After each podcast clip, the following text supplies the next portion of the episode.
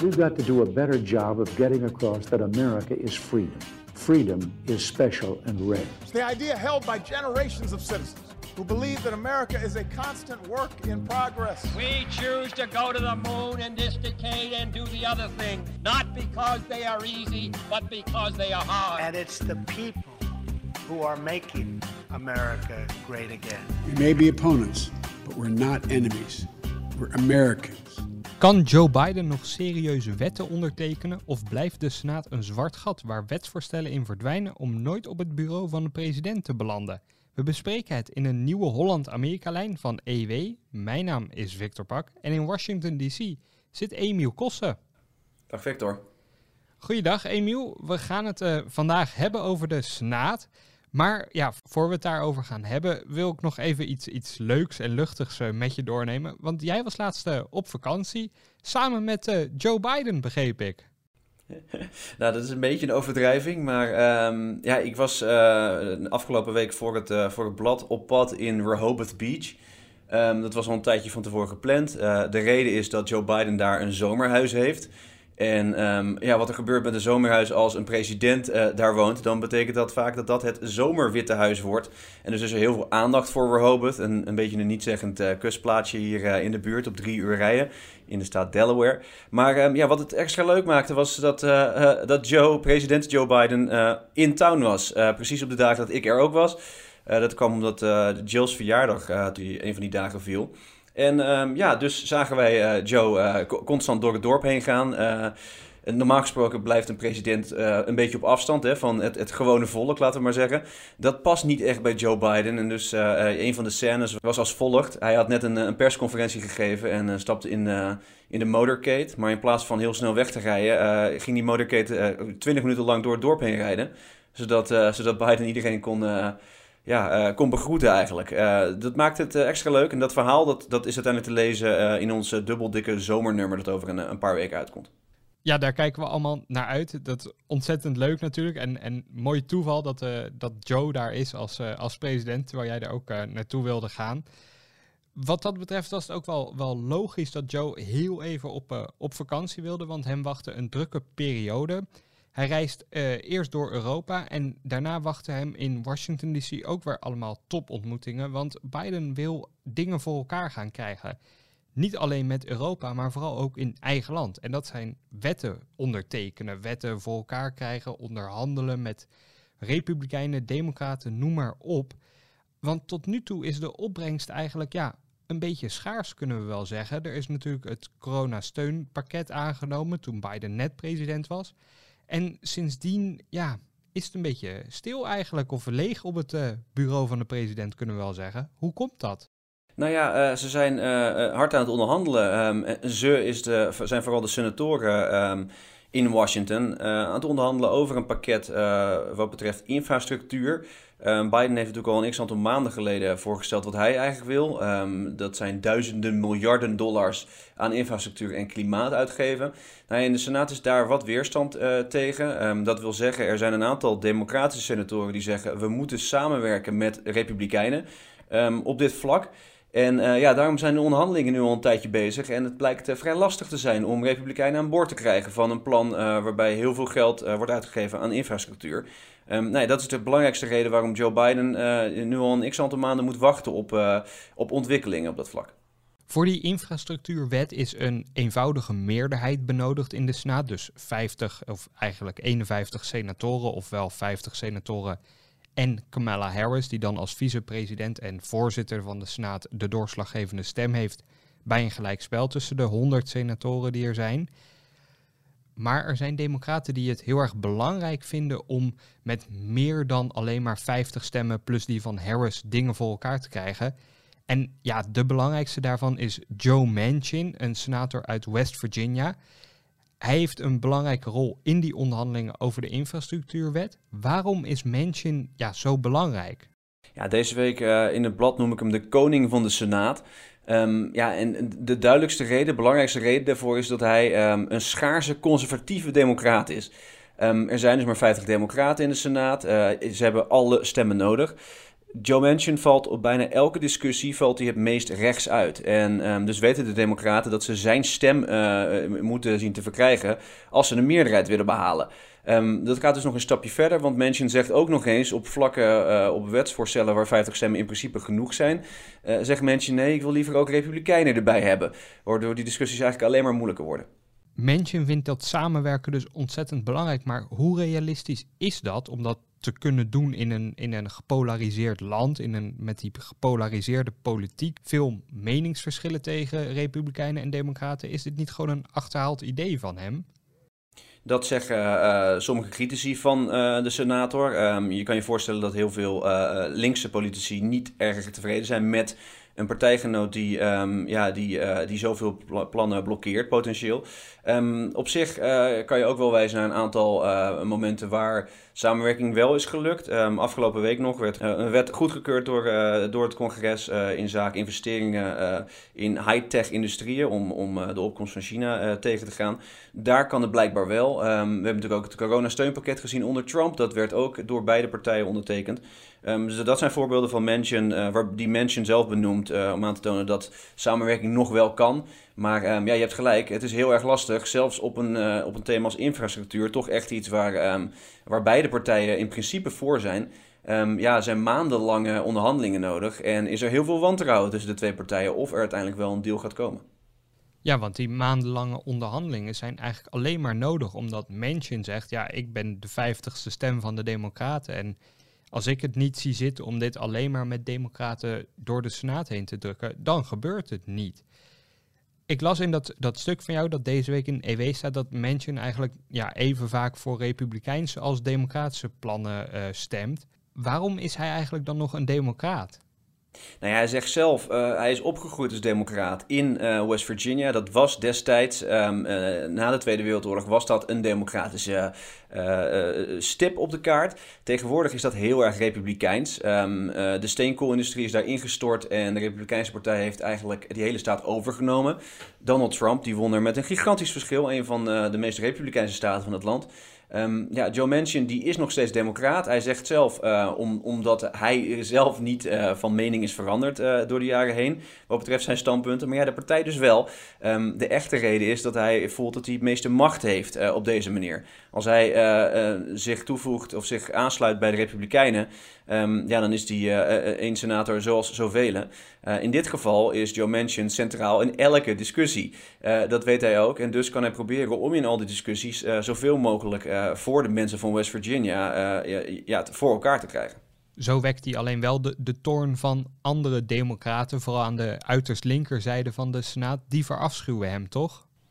Nou, in de Senaat um, uh, is er misschien wel frustratie, maar dat is allemaal beleefd. De Senaat is een, uh, een beleefd instituut um, wat dat betreft. Dus daar, uh, daar geven ze hem meer ruimte. Dan zeggen ze natuurlijk, hij komt uit Virginia, dus natuurlijk is hij um, kritisch op abortus, is hij tegen nieuwe wapenwetten. Daar wordt wel ruimte gegeven, omdat ze de politieke realiteit snappen. In het Huis van Afgevaardigden is dat iets anders. Daar is het vaak wat, wat meer als een als een gevecht in een, uh, in een bar uh, om drie uur s'nachts. Uh, daar wordt steeds kritischer gereageerd op Manchin. Um, daar wordt hij vergeleken met, met een segregationist, met een racist. Um, en hij wordt vergeleken met, met Mitch McConnell, de, de Republikeinse senator, die, die de afgelopen jaren alle, alle linkse prioriteiten heeft tegengehouden. Want linkse prioriteiten zijn er genoeg in de Amerikaanse politiek. Vooral nu de Democraten het presidentschap, het Huis van Afgevaardigden en dus een zeer nipt gelijkspel dat altijd in het voordeel uitpakt in de Senaat hebben. In een vorige podcast hebben we als uitgebreid stilgestaan bij al die linkse prioriteiten die er maar niet doorheen komen. En dat heeft ook alles te maken met dat alle wetten, behalve begrotingswetten, zoals de infrastructuurwet, die daar toevallig onder valt, alle andere plannen, bijvoorbeeld uh, kiesrechten, hervorming of wapenwetten, die hebben de steun nodig van 60 senatoren in de Senaat. Oftewel, tien republikeinen moeten zich bij de democraten voegen om een wet door de Senaat heen te krijgen. En dat lukt eigenlijk nauwelijks. Is die regel de belangrijkste reden dat het bureau van de president nog zo leeg is momenteel? Dat zou je wel kunnen zeggen, ja. Ehm, de filibuster, zo heet die regel, uh, ja, die, die, die bestaat al heel lang. Um, maar is wel een soort van willekeurig bedacht. Uh, er is eigenlijk geen reden waarom we die, uh, die 60 drempel hebben.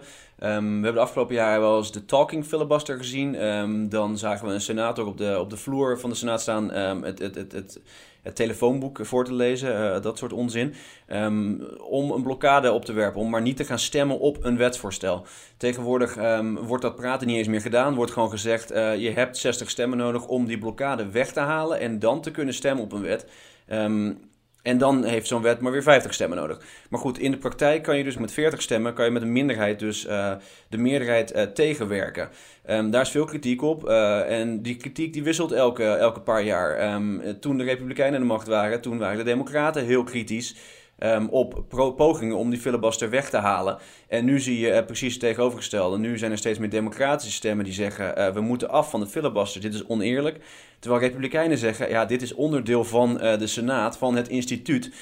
dit moeten we beschermen, zodat er tenminste nog wordt gekeken naar politieke samenwerking. Alleen politieke samenwerking is wel ontzettend schaars. Je, je noemde net al de paar voorbeelden die we konden bedenken. Nou, dat was onder Trump een coronasteunpakket. Dat was ook wel begrijpelijk dat dat er doorheen kwam. En zeer recent een investeringswet om ja, de concurrentie met China uh, aan te kunnen gaan. Veel meer dan dat kwamen we eigenlijk niet op uit. Dat is toch een, uh, een vrij schaarse oogst. Terwijl er ja, een hoop uh, plannen in ieder geval liggen. Uiteraard bij de linkse democraten, maar ook in het algemeen. Bijvoorbeeld wapenwetten, daar zijn zelfs een paar republikeinen wel voor te, te vinden om die wat strenger te maken, vooral met de achtergrondcontroles bijvoorbeeld. Toch lukt dat eigenlijk al, al jaren niet vanwege die regel. Waarom schaffen ze hem dan gewoon niet af? De druk um, uh, die ligt inderdaad bij de Democraten om die af te schaffen. Um, ja, het is natuurlijk een, groot gevaar. Uh, het grote risico ervan is als je de filibuster weghaalt, dus die, die, die 60-norm weghaalt, dan betekent dat dat je um, vanaf dit moment alle wetten met 50 plus 1 kan aannemen. Um, dat betekent dat de Democraten dat kunnen doen, maar ook over een x aantal jaar als de Republikeinen weer in de macht zijn, uh, die kunnen die hetzelfde doen. En um, het gevaar daarvan is dus dat je uh, beleid gaat maken uh, in het congres dat heel snel weer, ja, waar heel snel een streep door kan. dat is een, een principieel argument wat veel ja, gematigde senatoren op dit moment uh, gebruiken, democraten en republikeinen. Die zeggen dus pas op, uh, dan gaat het beleid wel heel erg heen en weer pingpongen. Um, maar uh, ja, de druk van, van links-Amerika, van, van progressieve senatoren vooral, die wordt wel steeds groter. En die druk die komt natuurlijk weer te liggen op mensen zoals Joe Manchin. Want uh, het klinkt misschien vreemd, maar die filibuster kan je vrij makkelijk uh, uh, verwijderen als regel. Daar heb je maar 50 senatoren voor nodig. Dus als Joe Manchin en Kirsten Sinema en nog een aantal andere ehm, gematigde democratische senatoren daarmee in zouden stemmen, dan zou het opeens gebeuren. Dan zou die filibuster opeens weg zijn en ligt opeens de hele democratische agenda open. Um, maar dat lijkt er niet echt in te zitten hoor. Nou viel mij wel op dat Manchin wel echt woest was toen een ander plan waar hij echt groot voorstander van was strandde in de Senaat, namelijk een onderzoekscommissie naar de bestorming van het Capitool. Dat was een unieke gebeurtenis, een ernstige gebeurtenis. Republikeinen, waaronder de Republikeinse leider in de Senaat, Mitch McConnell, hebben hun afschuw daarover uitgesproken. Maar zelfs zoiets, ja, ik noem het toch maar even zoiets simpels als gewoon een onderzoekscommissie daar met democraten en republikeinen Zelfs daar kunnen ze niet eens overeenstemming over bereiken. Dan is er toch wel een soort padstelling gecreëerd die, die je zou willen doorbreken. Nou, daardoor, door dat voorval is de druk alleen maar toegenomen uh, om iets aan die filibuster te doen. Uh, maar uh, ja, tot dusver is iemand als Manchin, ja, die is niet te bewegen. die zegt, dit is een gevaar voor de democratie als we, um, ja, als we die, uh, die regels gaan veranderen. Um, nou ja, daar verschillen de, meningen over. Er worden inmiddels ook uh, alternatieven benoemd. Want je hoeft natuurlijk niet die 60 naar, uh, helemaal te verwijderen. Je zou ook kunnen bedenken om die, ja, die, die drempel van 60 te verlagen naar 55 senatoren bijvoorbeeld. Zodat je in ieder geval nog een soort van stimulus hebt om samen te werken in de Senaat. Um, ja, het is afwachten of daar heel veel beweging in komt. Is dat realistisch om te verwachten? Want die, die regel bijvoorbeeld voor 55 voorstanders voor een wet klinkt zo gek nog niet in de oren. Ooit was het 67 senatoren die voor moesten zijn. En naarmate de politiek ja, steeds verdeelder werd en grote meerderheden niet meer werden gehaald, werd hij al eens verlaagd naar 60. Zou een iets kleinere verlaging wel wat zijn voor bijvoorbeeld een, een Manchin, zo'n gematigde democraat, om te steunen? Ja, het klinkt heel logisch, hè? Ehm, maar dan bedenk je nog niet um, ja, de politiek eromheen eigenlijk. Um, uiteindelijk uh, wegen al die senatoren uh, ja, hun, hun, eigen politieke uh, oordeel af. Vandaar ook dat vier jaar geleden um, alle democraten een moord en brand schreeuwden over het potentieel afschaffen van de filibuster. En nu is het natuurlijk andersom. Nu zeggen de republikeinen dat. Um, voor iemand als Joe Manchin, die ziet het scenario voor zich uit die ziet het scenario voor zich dat als die filibuster weg is, dat er bij elk thema naar hem wordt gekeken als potentiële blokkade. Um, dat wil hij eigenlijk niet. Hij heeft veel liever dat, uh, dat hij die druk uh, deelt met een x-aantal mensen aan de rechterkant. En vandaar dat hij, dat hij die, die 60-norm wel prima vindt. En zo kan je alle senatoren wel afgaan, zowel voorstanders als tegenstanders van de filibuster. En kan je um, hun, politieke motivaties uitleggen. Um, maar ja, of dat nou echt iets verandert aan de uiteindelijke tussenstand. Tot nu toe lijkt, er geen meerderheid te zijn om, om, om iets aan die regels te veranderen. Hoe staat president Joe Biden in deze discussie? Want die wil uiteraard dingen gedaan krijgen. Die voelt de druk van de kiezer en van zijn eigen campagnebeloftes. Ja, um, Biden ziet, uh, die, die kijkt naar de situatie van zijn naamgenoot, uh, Manchin in West Virginia. Ja, die, die snapt wel een beetje de politieke situatie natuurlijk. Um, zonder Manchin um, hadden de Democraten al lang geen senaatzetel meer gehad in die extreem conservatieve staat. Uh, Manchin moet zich verantwoorden voor uh, kiezers die, um, ja, die heel anders denken over het land, over de wereld, over, uh, over de ontstaansgeschiedenis van de Verenigde Staten dan iemand in, in Californië bijvoorbeeld. dat snapt Joe Biden allemaal en hij gaat ook best goed om met Joe Manchin. Ze bellen zo twee à drie keer per week. En daarbij ja, zet Joe, de ene Joe, de andere Joe natuurlijk een beetje onder druk. Hij moet kijken wat mensen wel kan ondersteunen. Nou ja, we hebben de afgelopen tijd gezien, um, op het vlak van infrastructuur eh, gaat dat waarschijnlijk nog wel gebeuren. daar is mensen nog wel voor, voor te porren. misschien ook als het met alleen democraten gaat gebeuren uiteindelijk. Maar ja, op andere vlakken, zoals een kieswet die de democraten heel graag door het congres willen duwen. Ja, daar heeft zo'n mensen van gezegd: nee, ik ga er niet voor stemmen. Als wij regels rond de verkiezingen gaan veranderen, dan moeten we dat doen met twee partijen. Dat is hoe het in democratie werkt. Um, ja, dus Joe Biden die bekijkt die discussies en die snapt het. En hij hoopt met, een beetje, ja, met een beetje liefde Joe Manchin af en toe aan boord te krijgen. En wat betekent dat dan voor de uiteindelijke agenda van Biden? Gaat hij al zijn plannen kunnen verwezenlijken? Nou is dat misschien wat hoog gegrepen, maar in ieder geval een, een deel van wat hij toch graag wil. Bijvoorbeeld wapenwetgeving. Ik kan een beetje tussen de, tussen de lijnen doorlezen. Um, ik weet niet wat in Engels gezegd is, maar als je Joe Biden hoort en hij zegt: uh, Ik wil graag dat het congres dit en dit doet. Dan zegt hij eigenlijk, um, dan legt hij de problemen eigenlijk bij het congres neer en weet hij dat er niet zo heel veel gaat veranderen. Uh, dat is bijvoorbeeld het geval op het, uh, ja, op, op het vlak van wapenwetten. Um, als hij het aan zijn vicepresident geeft, Kamala Harris, dan weet je eigenlijk ongeveer hetzelfde. Immigratieregels, ja, ja, een nieuwe wet die zit er voorlopig niet echt in. Uh, hij heeft ook dat, dat probleem heeft hij dus aan, aan zijn vicepresident gedelegeerd. Um, nee, Joe Biden die richt zich vooral op financieel, financiële plannen, economische investeringsplannen. Um, ja, en de, een van de redenen natuurlijk is dat de Senaat daar uh, eigenhandig over kan, kan beslissen. Daar heeft hij ongeveer nog, nou ja, de rest van dit jaar ongeveer voor. want volgend jaar zijn tussentijds verkiezingen. Um, dan gaat, gaat de prioriteit, gaat, die, die trekt zich weg van het wetgeven en gaat het meer om campagne voeren. Dan staat de, de meerderheid in de Senaat en um, het Huis van Afgevaardigden weer op het spel. Uh, dus ja, Joe Biden die weet waar hij uh, voor gaat. Dat is uh, een groot infrastructuurproject en een, misschien een losse klimaatwet. En ja, dat moet het dan wel ongeveer zijn. Dus concluderend kunnen we dan eigenlijk niet zeggen dat, dat Bidens campagnetactiek als het ware is voor 2022 van kijk eens wat ik allemaal voor elkaar krijg op bijvoorbeeld dan dat economische vlak, want dat gaat hem wel lukken met die 50 democraten in de Senaat. Maar alles wat niet gelukt is, dat schuift hij ook meteen weer af op die andere 50, die republikeinen die niet met hem willen onderhandelen bijvoorbeeld. Om zo de kiezer te, te overtuigen van joh, in 2022 stem dan weer massaal op de democraten, want dan kunnen we misschien met een grotere meerderheid in de Senaat echt wat voor elkaar krijgen op alle vlakken die, die nu waarschijnlijk niet gaan lukken. Ja, dan zie ik niet zo voor me dat de Democraten ooit een meerderheid van 60 zetels gaan, uh, gaan pakken in de, in de Senaat. Maar um, ja, het laat even wel zien dat Biden uh, een realist is wat dat betreft. Um, hij zou ook heel erg een PR-campagne kunnen voeren en uh, ja, druk uitoefenen op, op de andere partij om iets te doen aan uh, bijvoorbeeld uh, wapenwetgeving, maar dat gebeurt eigenlijk amper. Um, hij, hij, hij focust zich echt op de, op de zaken waarvan hij weet dat hij er iets aan kan veranderen. Infrastructuur daarbij prioriteit nummer 1.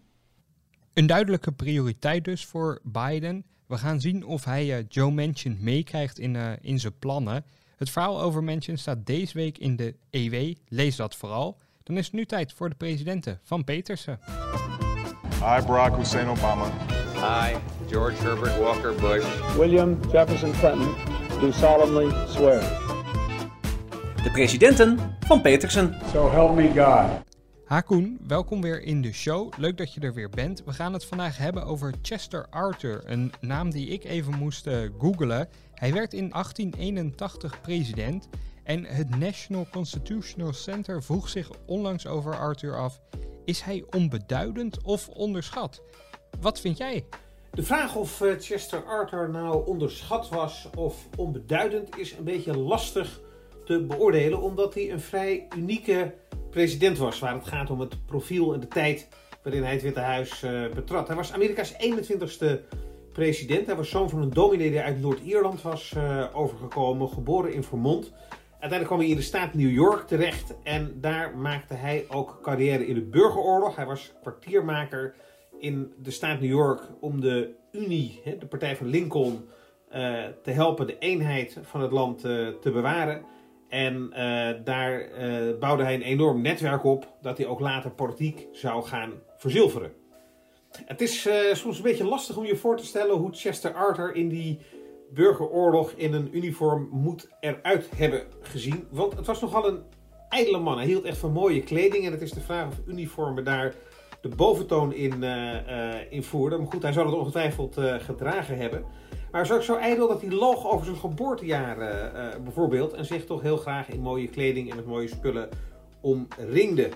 maar wat ook belangrijk was in de burgeroorlog was dat hij heel erg anti-slavernij was. Hij was een abolitionist, dus iemand die dat wilde afschaffen. Hij had ook als advocaat in de staat New York cases gedaan waar zwarte bevolking, zwarte functionarissen in uh, bescherming werden genomen en hij voor hun uh, rechten opkwam. Dus hij had daar ook echt wel inhoudelijk gezien de nodige geloofwaardigheid gewonnen. En na de burgeroorlog werd hij opgenomen in het Republikeinse circuit in uh, de stad New York. Dat heette een politieke machine.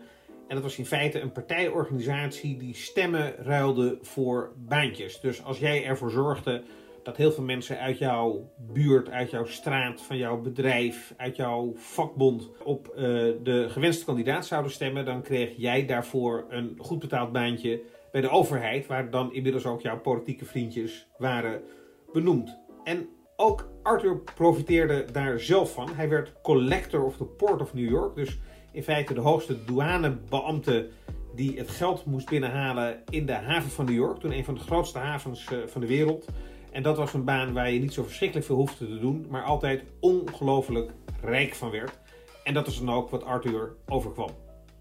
Die partijmachine van New York was ook heel belangrijk binnen de Republikeinse Partij, maar ze kregen het niet voor elkaar een van hun kandidaten voor het presidentschap te nomineren in uh, 1880. En als troostprijs werd Chester Arthur de running mate van James Garfield.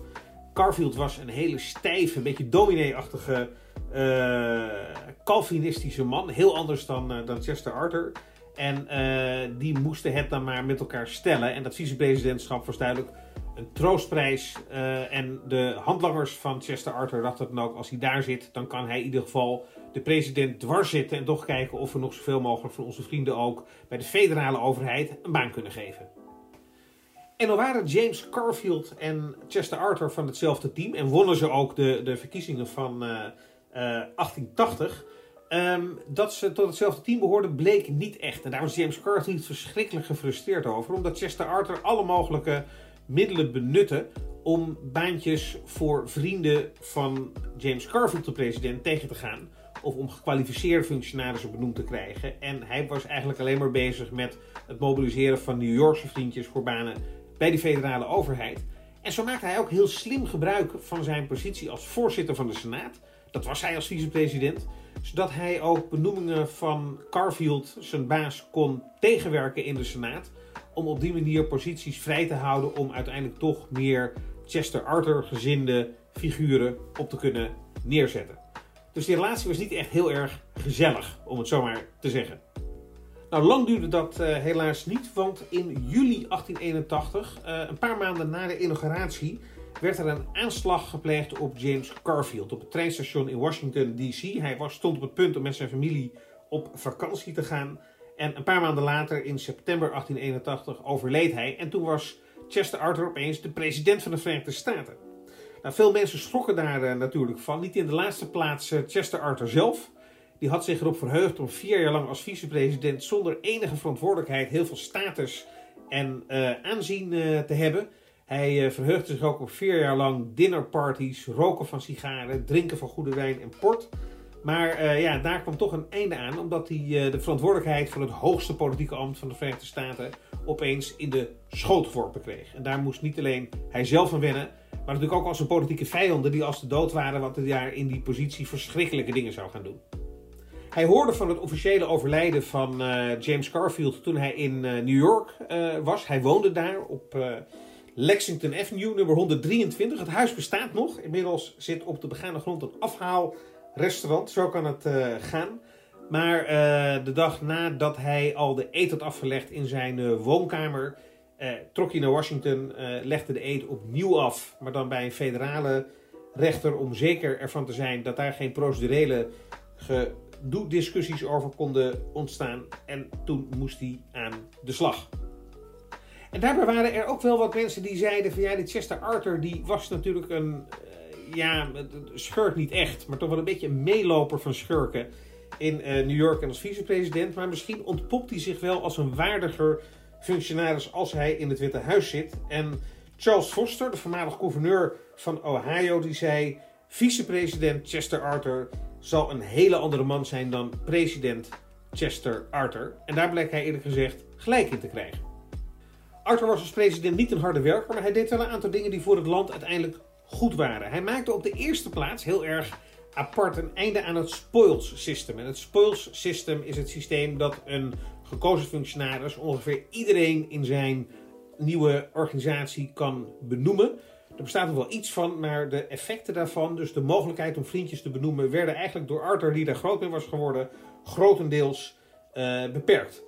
Um, wat hij ook deed, was de mensen die hij eigenlijk helemaal niet zo mocht, uh, en die door uh, James Garfield waren benoemd, die hield hij in functie. Dus hij gaf ook op die manier een bepaalde waardigheid aan het ambt.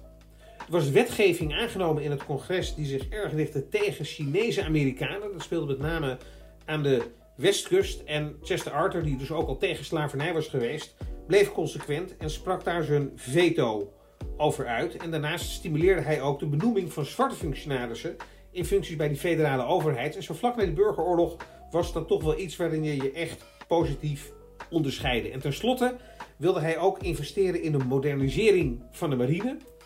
Nieuwe techniek maakte het mogelijk om schepen gewoon beter, krachtiger te maken. En voor de onafhankelijkheid van Amerika, dacht Chester Arthur, is dat van enorm belang. Uh, hij kreeg niet op alle punten zijn zin, maar er werd wel een begin gemaakt met de modernisering van de vloot.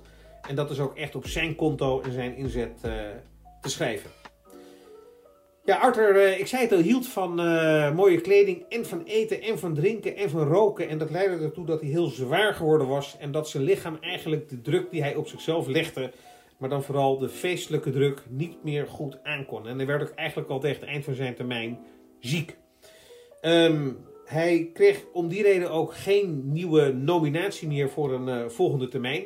En zijn gezondheid ging zo achteruit dat op de dag dat zijn opvolger moest worden gekozen, hij niet meer in staat was om zijn stem uit te brengen. Zo was hij aan bed gekluisterd. En uh, het zal ook niet verbazen dat hij kort na zijn aftreden, zo'n twee jaar na zijn aftreden, uh, zou overlijden. Ja, hoe kijk je dan terug op uh, Chester Arthur? Hij is een beetje volgens historici en andere deskundigen geëindigd op een plek tussen de 25 en de 35. In voetbaltermen zou je kunnen zeggen dat is ergens in het rechter rijtje in het midden. Geen degradatiekandidaat, maar ook niet echt een club waar enorme boeken over worden geschreven.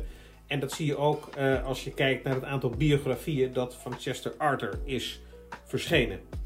Uh, wat hij wel heeft uh, gedaan, is toch een keurig caretaker zijn geweest. iedereen zei wel, ja, het viel eigenlijk allemaal wel mee. Hij heeft Amerika ook niet in onbezuiste avonturen gestort en eigenlijk het land behoorlijk netjes overgedragen aan zijn opvolger Crawford Cleveland. Um, wat van uh, Chester Arthur overblijft zijn een schitterend standbeeld in Madison Square Park op Manhattan. Niet ver bij zijn uh, oude huis vandaan. Het is het uh, parkje onder het Flatiron Building. Het karakteristieke driehoeksvormige gebouw midden in de stad. En daarnaast heeft hij een enorm praalgraf op de Albany Rural Cemetery in upstate New York. Vlakbij de hoofdstad van de staat New York. Wat met een enorm vlagvertoon er toch wel indrukwekkend uitziet. Je zou kunnen zeggen een graf in stijl voor deze bijzondere man die het land wel netjes heeft geleid van wat hij aantrof naar een gekozen opvolger. Arthur was ziek tijdens zijn uh, presidentschap. Hoe gaan Amerikaanse presidenten om als ze ziek worden tijdens het regeren? Ja, Chester Arthur, ik zei het al, was een ziek man aan het eind van zijn presidentschap. Hij was veel te zwaar, te veel gegeten, te veel gedronken, te weinig beweging.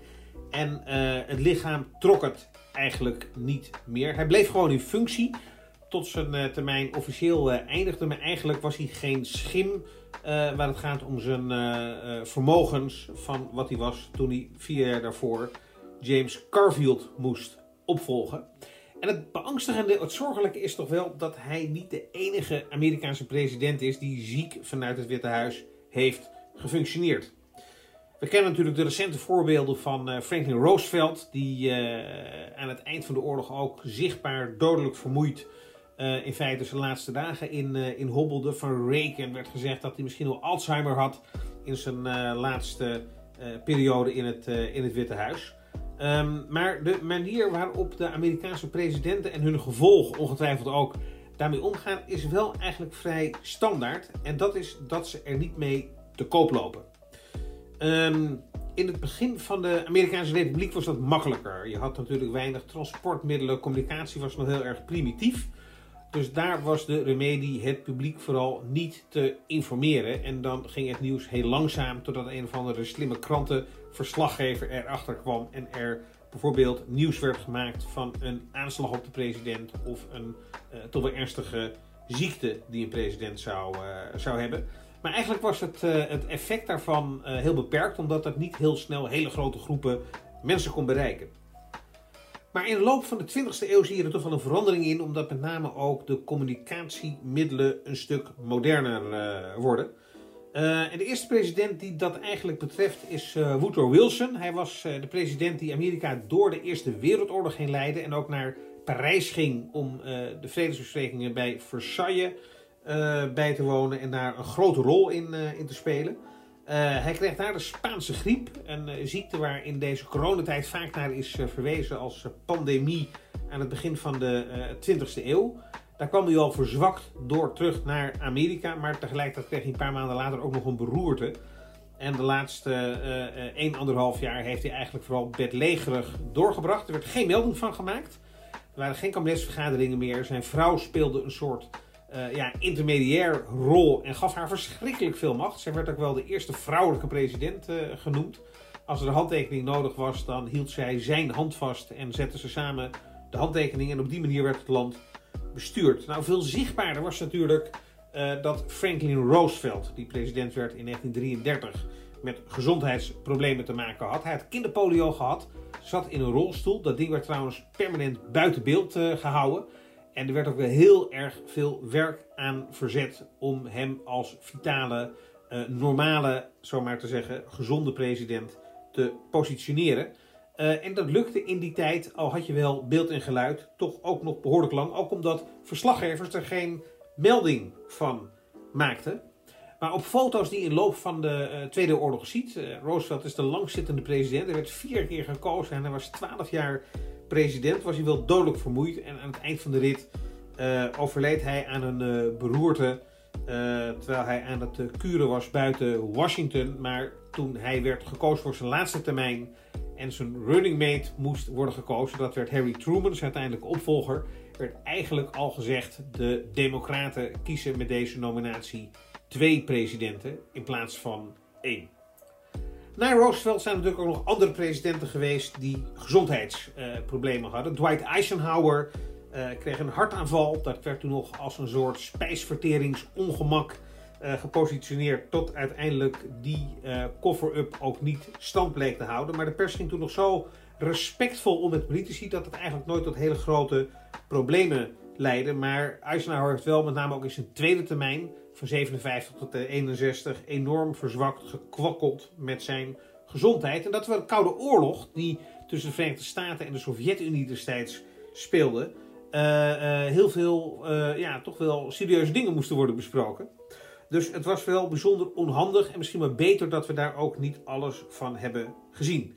Nou, Eisenhower werd opgevolgd door de jonge, vitale John Kennedy, die er heel erg gezond uitzag. Maar ook met allemaal problemen te maken had. Hij had enorme rugklachten waar hij allerlei pijnstillers voor uh, kreeg. Hij had de ziekte van Addison waar hij door werd, waardoor hij werd platgespoten met allemaal medicijnen. Je zou tegenwoordig zeggen hij was drugsverslaafd en misschien wel een chique junk. Uh, maar in de beeldvorming bleef dat allemaal ver weg. Uh, hij liep nooit met krukken in het openbaar, terwijl hij die wel gebruikte in verband met zijn rug. Hij droeg in het openbaar nooit een bril. Er zijn heel weinig foto's van Kennedy met krukken en een uh, bril op de neus.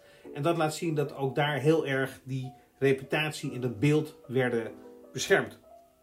Voor Ronald Reagan werd achteraf gezegd dat hij wellicht al Alzheimer had in de laatste jaren in het Witte Huis. Wat natuurlijk een bijzonder ernstige situatie uh, zou zijn geweest. En er zijn ook uh, artsen en medisch technologen die aan de hand van het analyseren van beeld- en geluidsfragmenten proberen te achterhalen of dat daadwerkelijk het geval was. Uh, vanuit officiële kringen is dat natuurlijk altijd ontkend, maar de zoon van Reagan, althans een van de zoons, een beetje een afvallige, die uh, geeft aan dat Reagan daar wel degelijk last uh, van had. Dus het is lastig te bedenken. En we hebben natuurlijk allemaal recent nog Donald Trump gezien, geveld door COVID. Het was een klein griepje, maar ook achteraf hoor je dat hij aan het beademingsapparaat heeft gehangen en eigenlijk in een veel slechtere situatie verkeerde dan officieel werd meegegeven.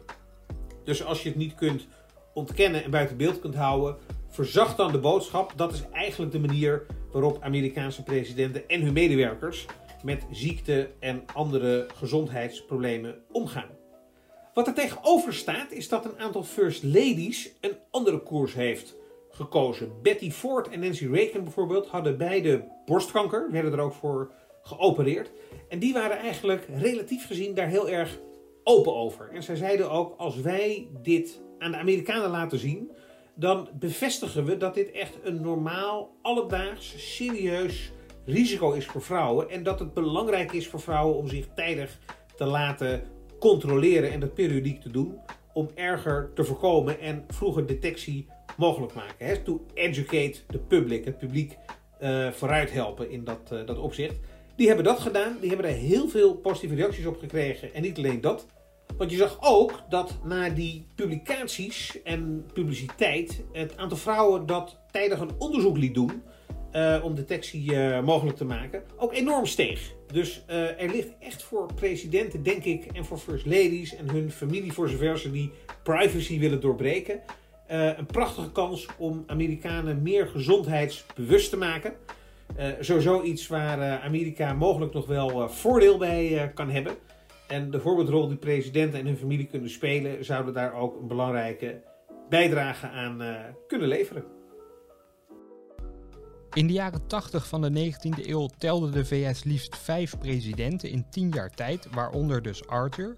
Was het politiek zo'n onstuimige periode? Het eind van de 19e eeuw was voor Amerika niet alleen politiek een onstuimige periode, maar vooral ook maatschappelijk gezien een onstuimige periode. En in bepaalde opzichten kun je de situatie uit die tijd vergelijken met de onstuimige periode waar wij misschien op dit ogenblik wel in leven. Een belangrijk element was bijvoorbeeld de technologische vooruitgang en de invloed die dat had op de maatschappij.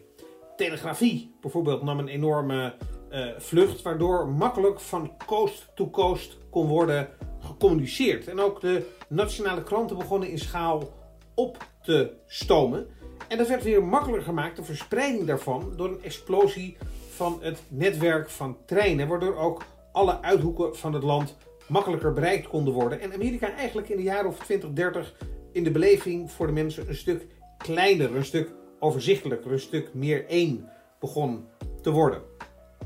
Ook had je economische ontwikkelingen die erg lijken op uh, de ontwikkelingen in onze tijd. Bijvoorbeeld de opkomst van hele grote conglomeraten. Wij hebben het over de grote techbedrijven en de invloed die die hebben op de samenleving. Maar in die tijd had je de grote oliemaatschappijen die steeds groter werden. De spoorwegmaatschappijen die domineerden in het uh, transport. De mijnbouwbedrijven, wat ook steeds meer wordt opgeschaald. En bijvoorbeeld de grote banken die de hele financiële sector beheersten. En waar eigenlijk van werd gezegd soms dat de minister van Financiën niet in het ministerie van Financiën zat, maar in de boardroom van de grote banken. Dus dat was wel iets waar ook die bevolking enorm aan moest wennen en ook de politiek op moest reageren.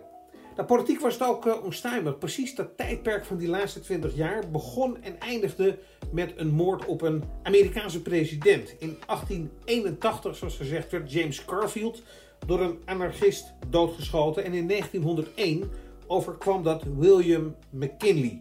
En dat leidde dan ook weer tot een paniekreactie in de Amerikaanse politiek. Ze werd een immigratieverbod voorgesteld voor anarchisten. Um, tegelijkertijd zag je ook dat Rutherford B. Hayes, dat was de president die in 1876 na heel veel discussie de presidentsverkiezingen won, en Benjamin Harrison die dat in 1888 uh, met succes volbracht, presidenten waren die niet met een meerderheid van de uitgebrachte stemmen in het Witte Huis terechtkwamen. En het congres en de president kwamen grotendeels in die periode uit verschillende partijen, wat ook de snelheid van wetgeving en politieke oplossingen niet heel veel makkelijker maakte. Nou, een hoop uh, uh, chaos en uh, onrust. Je zou kunnen zeggen, misschien was het wel een beetje een kwestie van groeistuipen voor Amerika om van de oude situatie van de 19e eeuw de stap naar de 20e te maken. Maar voor de politiek en voor de bevolking wel in veel opzichten een hele heftige periode. Nou, na de moord op William McKinley werd uh, Theodore Roosevelt uh, president. Die heeft dat acht jaar volgehouden. Weliswaar niet twee termijnen, omdat die eerste paar weken van zijn eerste termijn hij als vicepresident diende. Maar eigenlijk wordt hij toch in de beleving wel als een two-termer gezien. En na een doorstroom van presidenten die elk jaar ongeveer weer het Witte Huis aan de ander gaven, is iemand die er acht jaar kon zitten echt wel weer een baken van rust geweest. En hij zorgde er ook voor dat met wetgeving de grote bedrijven aan macht moesten inboeten, waardoor ondernemerschap weer meer een kans kreeg en de burgers, de bevolking, niet aan die grote bedrijven werden uitgeleverd voor het leveren van producten en diensten of als werkgever, waar in die tijd ook nog wel in termen van arbeidsrecht en arbeidsomstandigheden het nodige op aan te merken viel. Dus Roosevelt bracht eigenlijk het onstuimige Amerika in veel rustiger vaarwater. Niet alleen politiek door lang het Witte Huis te zitten, maar ook door maatschappelijke en wetgevingshervormingen door te voeren. Ik moet wel zeggen dat het ook een klein beetje stilte voor de storm bleek te zijn. Dat was toen misschien nog niet helemaal te bedenken. Maar het zou natuurlijk niet heel lang duren voordat Amerika onder Woodrow Wilson in de Eerste Wereldoorlog betrokken raakte. En dat zou ook weer enorme veranderingen voor de Verenigde Staten betekenen. Daar had men toen nog geen uh, weet van. Maar wel kan de conclusie worden getrokken dat die laatste 20 jaar van die 19e eeuw voor Amerika bijzonder onrustig waren. Van Chester Arthur weten we nu weer een hoop. Dankjewel daarvoor, Koen. We kijken uit naar de volgende presidenten van Petersen. In de tussentijd kunnen we natuurlijk allemaal jouw boeken lezen. Die zijn te vinden in de webshop van EW. Dit was de Holland Amerika Lijn voor deze week. Hartelijk dank voor het luisteren en graag tot de volgende keer.